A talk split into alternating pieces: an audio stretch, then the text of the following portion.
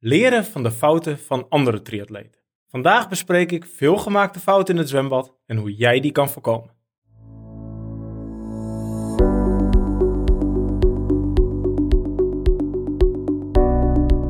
Welkom bij de First to T1 podcast. De podcast voor triatleten en zwemmers in het zwembad of het open water. Voor beginners en gevorderden.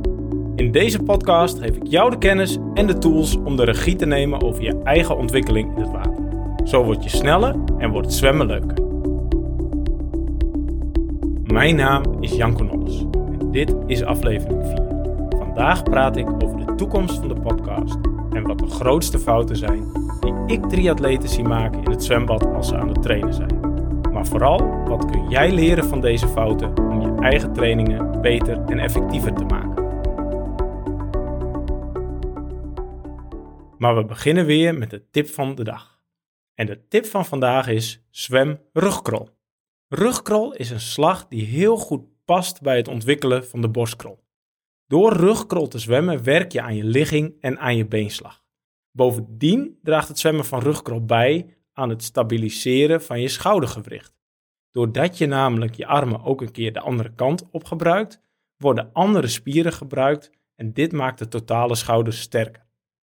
Je ligging wordt verbeterd doordat je precies andersom je liggingspieren in je buik en in je rug in moet schakelen om horizontaal in het water te liggen. En je benen worden beter doordat je knie en je enkel op een andere manier ingezet worden om een efficiënte slag te leveren. Hiervoor moet je effectiever trappelen dan nodig is bij de borstkrol en dit draagt dus ook bij aan het ontwikkelen van een betere beenslag. Daarom is de snelle tip van vandaag: zwem rugkrol. Voor we gaan beginnen aan het thema van deze podcast van vandaag, wil ik nog even vooruitkijken naar de toekomst. De vorige keer hebben we gesproken over tips die jou helpen om te trainen zonder trainer. En ik kreeg hierna de vraag van, goh, vind je het dan niet noodzakelijk dat er een trainer aan het bad staat? Ik denk dat een trainer absoluut nodig is om jezelf te verbeteren. Als deze op het juiste moment en op de juiste manier ingezet wordt. Maar ik denk daarnaast ook dat heel veel van jullie effectiever kunnen gaan trainen op de momenten dat er geen trainer bij is. En dus nog veel effectiever kunnen gaan trainen als er wel een trainer bij is. Ik wil in de toekomst van deze podcast onderwerpen bespreken die er dus voor zorgen dat jij effectiever en leuker kunt gaan trainen. Dit betekent dat ik in de toekomst wil praten over onderwerpen die gaan over training en effectief trainen en motorisch leren zoals we de eerste keren nu een beetje gedaan hebben. Maar daarnaast wil ik de borstkrol gaan analyseren, de verschillende belangrijke onderdelen van de borstkrol bespreken en dit op zo'n manier aan je uitleggen dat als jij in het water ligt, je effectief aan de slag kan met het analyseren van je eigen slag en jezelf beter maken. Dus we gaan in detail praten over de borstkrol en zorgen dat, dat als jij het water induikt, dat je beter begrijpt wat je doet en dat ook beter kunt gaan verbeteren. Dus we zorgen dat jouw training effectiever wordt. Daarnaast wil ik in de toekomst het gaan hebben over hoe zorg ik dat als ik in het open water zwem, ik dat beter doe. En wat is er nodig om een goede open waterzwemmer te zijn? Ik denk dat het verschil tussen een zwembadzwemmer en een open waterzwemmer wel eens onderschat wordt. En dat we meer aandacht moeten hebben voor het ontwikkelen van je techniek en van je skills voor het open water, ook als je in het zwembad aan het trainen bent. Dus daar gaan we de komende weken, de komende maanden mee aan de slag. En dan gaan we over naar het thema van vandaag. Leren van de fouten van anderen en misschien ook wel de fouten van jezelf. Want als ik zelf aan het zwemmen ben en ik train met andere triatleten, zie ik een heel aantal dingen verkeerd gaan. Daarnaast zie ik in de trainingen die ik geef aan triatleten ook een heel aantal fouten voorbij komen. En als we bespreken wat die fouten zijn en hoe ik denk dat je dat slimmer aan kan pakken, kun jij je trainingen beter inrichten. Nou, mocht je vinden dat deze podcast te snel gaat, ik heb op mijn website alle fouten die ik zie even onder elkaar gezet. En daar kun je dus ook rustig meelezen. En die vind je op first2t1.nl met de streepjes ertussen. first2t1.nl slash leren van fouten. Linkje staat ook gelijk hieronder in de show notes. Dus op first2t1.nl slash leren van fouten vind je alle fouten die ik vandaag bespreek terug. En de zes fouten die ik het meest voorbij zie komen zijn 1. Geen doel. 2. Geen rust nemen. 3. Alleen maar meters maken of alleen maar lange afstanden zwemmen. 4. Niet langzaam zwemmen. 5. vaak dezelfde training doen. En 6. Geen andere slagen doen. De eerste fout: geen doel. Vorige week hebben we al besproken hoe belangrijk het is om een concreet en simpel doel te hebben als je met je techniek of met je training aan het werk gaat. En een van de meeste fouten die ik dus ook zie, is triatleten of zwemmers die het zwembad induiken en zonder duidelijk doel aan een training beginnen. Ze komen naar het zwembad, ze moeten snel tussendoor even in de lunch zwemmen, hebben een plankje, poolboy, bril, zwembroek meegenomen naar het werk, even naar het zwembad, duiken erin, zwemmen drie kwartier een uur, doen wat er op dat moment in hun opkomt, klimmen het water weer uit en gaan naar huis. En op het moment dat je niet werkt vanuit een plan of vanuit een doel, haal je niet het optimale uit je ontwikkeling en uit je training. Je kunt namelijk efficiënter trainen als je de training op de goede manier afwisselt. Je kunt efficiënter trainen als wat je in je training doet specifiek een fysiologisch doel nastreeft. En ook hier de afstanden, de intensiteit en de rust op afstemt. En ditzelfde geldt voor de techniek. Je techniek wordt beter als je specifieke techniekoefeningen combineert met specifieke afstanden en deze afstanden en techniekoefeningen toepast in je techniek. En op het moment dat jij zonder doel naar het zwembad komt, doe je maar wat en werk je dus niet gericht aan de ontwikkeling van je techniek en je fysiologische doelen.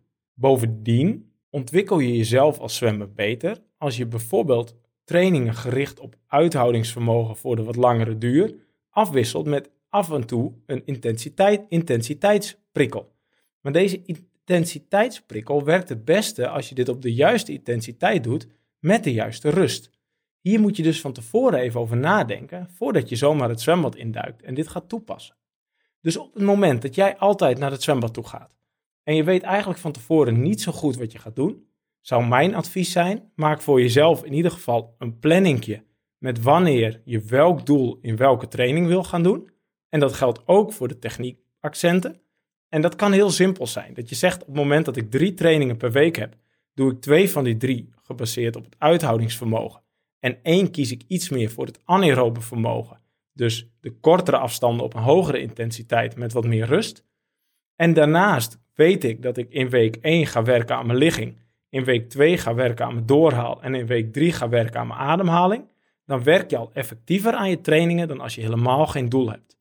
En hoe specifieker je deze plannen en deze doelen uitwerkt, hoe effectiever jij gaat trainen. Dus zelfs als je niet heel veel verstand hebt van zwemmen, kun je voor jezelf een makkelijk plannetje en makkelijke doelen stellen om hiermee aan de gang te gaan. Dus op het moment dat je nu nog werkt zonder doel, ga met een plan en een doel aan de slag. De tweede grote fout die ik zie is geen of te weinig rust nemen. Veel triatleten schijnen rust iets engs te vinden. Ik zie ze dan in de trainingen zwemmen, aantikken, weer weggaan. Of in een techniekkerk, als ik training geef, zie ik ze aantikken. Ze zien dat ze iets wat tijd verloren zijn op degene voor hun, gaan er gelijk weer achteraan en gelijk weer door en nemen maar 2, 3, 4 seconden rust na een afstand. Ik heb zelfs een tijdje met iemand getraind die elke vorm van rust het liefst oversloeg en op het moment dat er stond 5 keer 400 meter, na 350 meter dacht, ik heb helemaal geen zin in rust, ik ga gewoon door en er een 2 kilometer van maakte. En voor sommige trainingen is weinig rust goed. Als jij af en toe aan je uithoudingsvermogen wil werken, is het prima om weinig rust te nemen. Maar in de meeste trainingen, en zeker bij zwemmen, is rust van toegevoegde waarde. In de rust heb je de tijd om uit te rusten, maar ook je techniek te resetten en even weer een doel te stellen voor de volgende afstand. En zeker als je aan je techniek werkt, is uithoudingsvermogen niet het doel. En is het dus veel effectiever om even de rust te nemen, die efficiënt te gebruiken door te kijken wat moet ik doen, door te visualiseren hoe je dat gaat doen en door een doel te stellen voor de volgende afstand, dan dat je de rust overslaat en in één keer doorgaat met zwemmen. Bovendien zie ik in trainingen waarbij de rust juist een belangrijk fysiologisch doel heeft, dus bijvoorbeeld een hogere intensiteit, waarbij het herstel in de rust een fysiologisch effect teweeg brengt, zie ik mensen ook rust overslaan. Je maakt dan niet alleen het effect van je training minder, je kunt er zelfs voor zorgen dat je helemaal geen effect bereikt, of in ieder geval niet het effect wat je wil bereiken. Dus om beter te worden in de techniek van de borstkrol is rust heel belangrijk, maar ook om trainingen efficiënter te maken is rust heel belangrijk.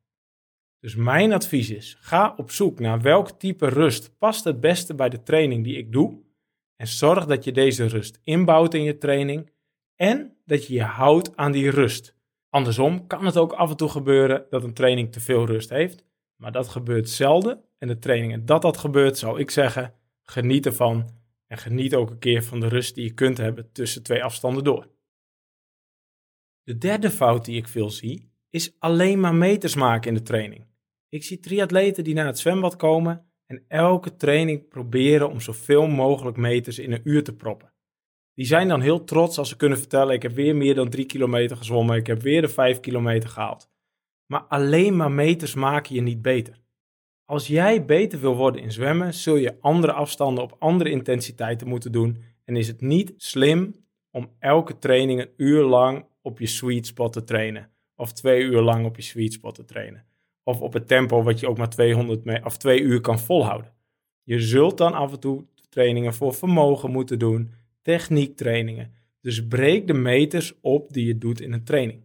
En accepteer ook dat je soms effectiever kan trainen door maar 2 kilometer te zwemmen, dan elke keer 3 of 4 of 5 kilometer wilt halen. Als we kijken naar de topzwemmers in de wereld, die trainen ook regelmatig maar heel weinig meters, maar proberen daar heel veel kwaliteit te halen. En dat geldt ook voor de lange afstandszwemmers en voor de openwaterzwemmers. Daarnaast doen ook die 50 meters. En kan soms een 20 keer 50 meter effectiever zijn dan een 1 keer 1000 meter. Als jij daar kan spelen met je rust, je intensiteit en je techniek, wordt die training effectiever dan dat je in 1 keer 1000 meter doet. Dus mijn advies is: probeer niet het maximaal aantal meters in een uur te proppen, en zwem ook niet alleen maar lange afstanden als 5 keer 400 meter, 5 keer 800 meter, 2 keer 2 kilometer. Maar ga slim om met de afstanden die je kiest. De vierde fout, en dit lijkt als een tegenstrijdige tip om sneller te gaan zwemmen, is dat ik mensen te weinig langzaam zie zwemmen. Een van mijn favoriete filmpjes over zwemmen is van een Amerikaans zwemteam onder de trainer Brad Hawk. En daar liggen de vier grootste sprinters van de wereld in het zwembad. De Olympisch kampioen op de 50 meter, dus een Olympisch kampioen op de 100 meter in de estafette. En in dit filmpje zie je ze eigenlijk alleen maar heel erg langzaam zwemmen. Ze hebben een snorkel op en ze zwemmen uh, vier keer een baan of 100 meter, weet niet meer precies wat ze doen. Maar die afstand zwemmen ze heel erg rustig. En ze proberen elke slag zo lang mogelijk en zo effectief mogelijk maar ook zo soepel mogelijk te doen. En dan hebben we het over de snelste sprinters ter wereld. Nou, dat is een ander niveau dan dat wij doen, maar ook voor ons is het heel belangrijk om rustig te kunnen zwemmen. En je mag dus af en toe tegen jezelf zeggen: slow is pro. Door langzaam te zwemmen werk je echt op een professionele manier aan je eigen techniek en je eigen zwemmen. Je techniek, je watergevoel ontwikkel je het beste door langzaam te zwemmen. Dus kies er af en toe voor om jezelf uit te dagen om banen niet hard te doen, maar het zo langzaam mogelijk te doen. Of een tegenstrijdig doel te stellen. Dus niet ik wil zo hard mogelijk, maar ik wil deze baan exact 30 of 40 seconden over één baantje doen. Dat is misschien 10 meer dan ik gemiddeld doe, maar ik wil met een nette borstkroltechniek 10 seconden langzamer zwemmen dan ik normaal doe. En door langzamer te zwemmen zul je sneller worden. Dus de vaardigheid van langzaam zwemmen gaat jou helpen om een betere zwemmer te worden. En wat je ook leert als je langzaam zwemt, is om ontspannen en relaxed te kunnen zwemmen. Want waar triatleten vaak over klagen, is dat ze het gevoel hebben dat het niet vloeiend gaat. Dat ze anderen door het water zien glijden, maar zij zelf dat gevoel niet hebben. En een grote kans dat dit komt doordat ze te weinig langzaam zwemmen. Dus wil je glijden, wil je mooi kunnen zwemmen, wil je watergevoel ontwikkelen, zwem eens langzaam. De vijfde die ik veel zie, is dat triatleten vaak graag dezelfde training doen. En op het moment dat je vaak hetzelfde doet, geef je je lichaam geen prikkel meer om je te ontwikkelen. En juist door te variëren kun je je lichaam nieuwe prikkels geven en daarmee nieuwe ontwikkelingen in gang zetten. Wat ik altijd heel interessant vind om te zien, en dat zie je bij zwemmers vaak, is dat op het moment dat ze wisselen van trainen, dat ze weer een stapje maken in hun ontwikkeling. Ze gaan weer sneller zwemmen. En ik denk dat dat komt doordat ze weer iets anders gaan doen en hun lichaam weer op een andere manier gaan prikkelen. Een mooi nieuw voorbeeld daarvan is Sharon van Rouwendaal. Die is vertrokken van haar Franse trainer en traint nu in Duitsland. En zij geeft aan, ik ben en van de pijn af die ik altijd voelde... en ik kan nog meer kilometers doen in de week. Terwijl ik juist al dacht dat ik in Frankrijk bij een man zat die alles uit me kon halen. En toch kan ik nu nog meer. En dat geldt ook voor triatleten of openwaterzwemmers. Is dat als jij altijd hetzelfde doet of uit dezelfde bron met trainingen put, ontwikkel je jezelf misschien niet optimaal. Ga op zoek naar andere trainingen. En wat ik als zwemtrainer altijd probeer, is op zoek te gaan naar die nieuwe prikkels. En ook op het moment dat we wel hetzelfde doen, want ik vind dat herhalen ook heel belangrijk is. Maar op het moment dat ik iets herhaal, probeer ik er wel een nieuw doel of een beter doel of een verbetering aan te koppelen. Dus als ik zeg, we doen dezelfde training als dat we eerder hebben gedaan, dan wil ik dat ze daar, dan wil ik met ze bedoel ik mijn zwemmers of triatleten, dan wil ik dat ze daarin iets beter doen. Of de training beter uitvoeren. Of de lessen die ze in de vorige training hebben geleerd toepassen. Dus op het moment dat je ervoor kiest om een training te herhalen, zorg er dan voor dat je de lessen van de vorige training gaat toepassen en niet hersenloos dezelfde training doet. Dus je kunt zeggen, ik wil vandaag exact dezelfde doeltijden halen, maar ik wil dat wel doen met elke baan een slag minder. Of ik wil dat doen met voor mijn gevoel een lagere intensiteit. Of ik wil dat mijn ligging beter is. Dus op het moment dat je een training herhaalt, kijk dan waar zit de prikkel.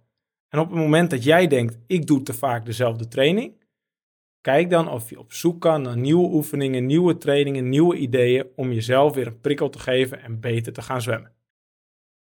De zesde tip, en daar zijn we eigenlijk met de snelle tip al mee begonnen, is dat zwemmers en triatleten te weinig andere slagen zwemmen.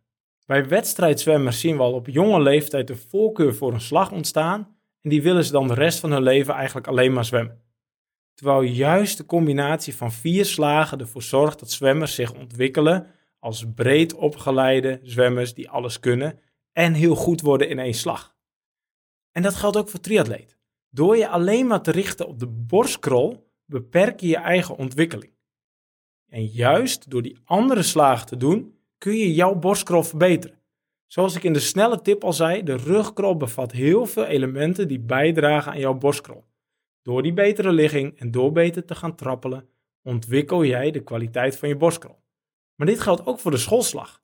Regelmatig 1, 2, 3 baantjes schoolslag in de training zorgt ervoor dat jouw gewrichten, je spieren weer net even wat anders belast worden. En deze prikkel zorgt weer voor dat er een bijdrage geleverd wordt aan de borstkrol. Nou, het belangrijkste voordeel is natuurlijk de vlinderslag.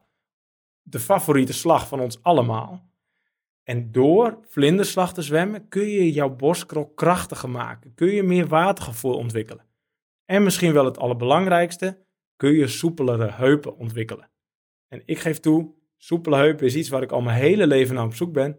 Dus ik probeer elke training een klein beetje vlinderslag te doen in de hoop dat dit ooit nog goed komt. En ik snap dat iedereen op zoek is naar een zo efficiënt mogelijk ingerichte training. Dus we willen alles uit de tijd halen die we hebben. Want we hebben maar drie kwartier of we hebben maar een uur.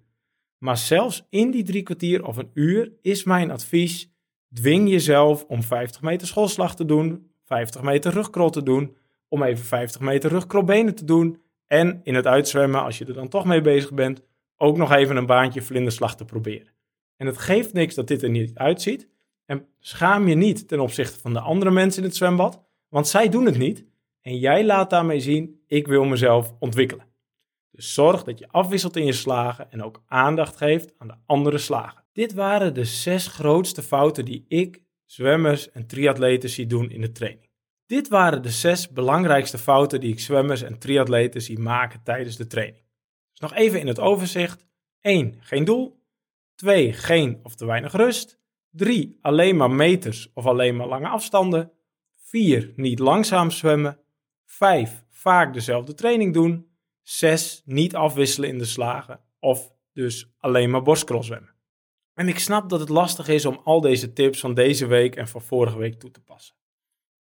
En daarom probeer ik op first2t1.nl trainingen aan te bieden waarin al deze tips en al deze fouten, de fouten voorkomen worden en de tips worden toegepast. En wil jij elke keer weten hoe ik dat doe in een training? Ga naar first2t1.nl slash gratis training En daar vind je één voorbeeld van de training waarin ik probeer om deze fouten te voorkomen en juist alle tips van vorige week in te verwerken. Niet allemaal natuurlijk, maar wel op een efficiënte manier en zo goed mogelijk. Dus wil je ook een keer kijken hoe ik dat in de trainingen verwerk? Ga naar first2t1.nl slash gratis training. Dit was hem voor vandaag. Wil je teruglezen wat er besproken is? Ga naar first2t1.nl slash leren van fouten. Hier zijn alle zes grote fouten onder elkaar weergegeven en kun je ze nog eens rustig doorlezen. Heb je feedback? Ga naar first2t1.nl slash feedback, vul het formulier in en zorg dat ik weet wat jij ervan vond of welke vraag jij hebt, zodat ik die de volgende keer kan proberen te beantwoorden. Vergeet niet te abonneren op, je op de podcast via de app of via de site. En dan zeg ik voor nu, dank voor het luisteren en tot de volgende keer.